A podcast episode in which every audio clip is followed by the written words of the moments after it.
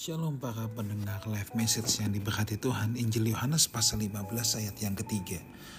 Kamu memang sudah bersih karena firman yang telah kukatakan kepadamu. Saudaraku ini adalah dalam konteks uh, pohon anggur yang berbuah. Untuk sebuah pohon anggur yang berbuah ya, Tuhan berkata bahwa ranting-rantingnya itu harus bersih Demikianlah juga hidup kita yang mau berbuah. Hidup kita harus bersih. Nah pertanyaannya bagaimana membersihkan hidup kita? Nah di sini Tuhan kasih sebuah formula, sebuah rahasia. Rupanya kamu memang sudah bersih karena, nah ini firman, firman yang membersihkan. Saudaraku, Sebenarnya apa yang keluar dari hidup kita itu berasal dari dalam. Dari dalam hati. Nah, kalau kita bicara hati, ini kan beda dengan hati dalam kedokteran, ya. Hati itu kan uh, kalau dalam organ tubuh lever, jelas ini bukan lever. Tapi kalau dalam bahasa Yunani itu kan kardia, itu apa? Jantung. Ini kan juga bukan jantung. Sebenarnya hati itu jadi adanya di mana coba saudara? Nah sebenarnya hati itu kan menunjuk kepada manusia batiniah kita. Hati itu kan menunjuk pada inti manusia, saudara. Ya. Dan itu semua bersumbernya ada dalam pikiran. Ada dalam pikiran.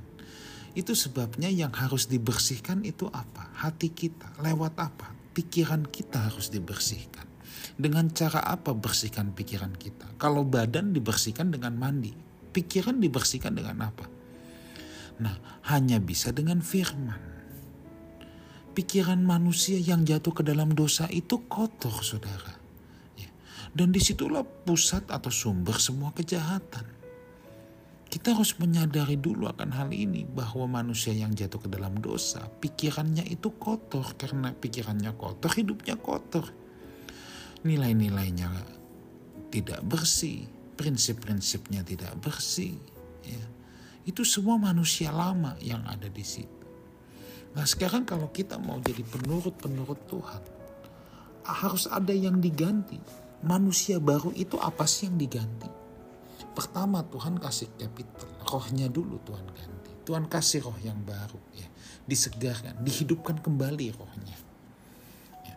Dan dalam bahasa perjanjian lama aku memberikan roh yang baru. Ya kita nggak perlu mempersoalkan ya masalah roh lama atau roh baru. Tetapi itu menunjuk pada sesuatu yang fresh tapi itu tidak cukup saudara.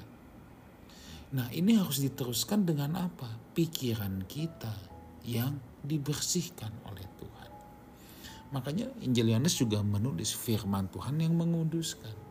Jadi darah Kristus menebus kita satu kali untuk selamanya tapi yang menyucikan kita, yang menguduskan kita, yang membersihkan kita itu firman. Nah, berarti betapa pentingnya kita untuk mencintai firman, betapa pentingnya kita untuk belajar firman, merenungkan firman. Kalau kita tidak suka dengan firman Tuhan, kita tidak bisa dibersihkan, saudara. Kalau kita tidak dibersihkan, kita pasti tidak berbuah. Mari izinkan firman Tuhan mempenetrasi hidup kita sampai ke yang paling dalam supaya kita dibersihkan dan hidup kita bisa berbuah. Tuhan Yesus memberkati kita semua. Amin.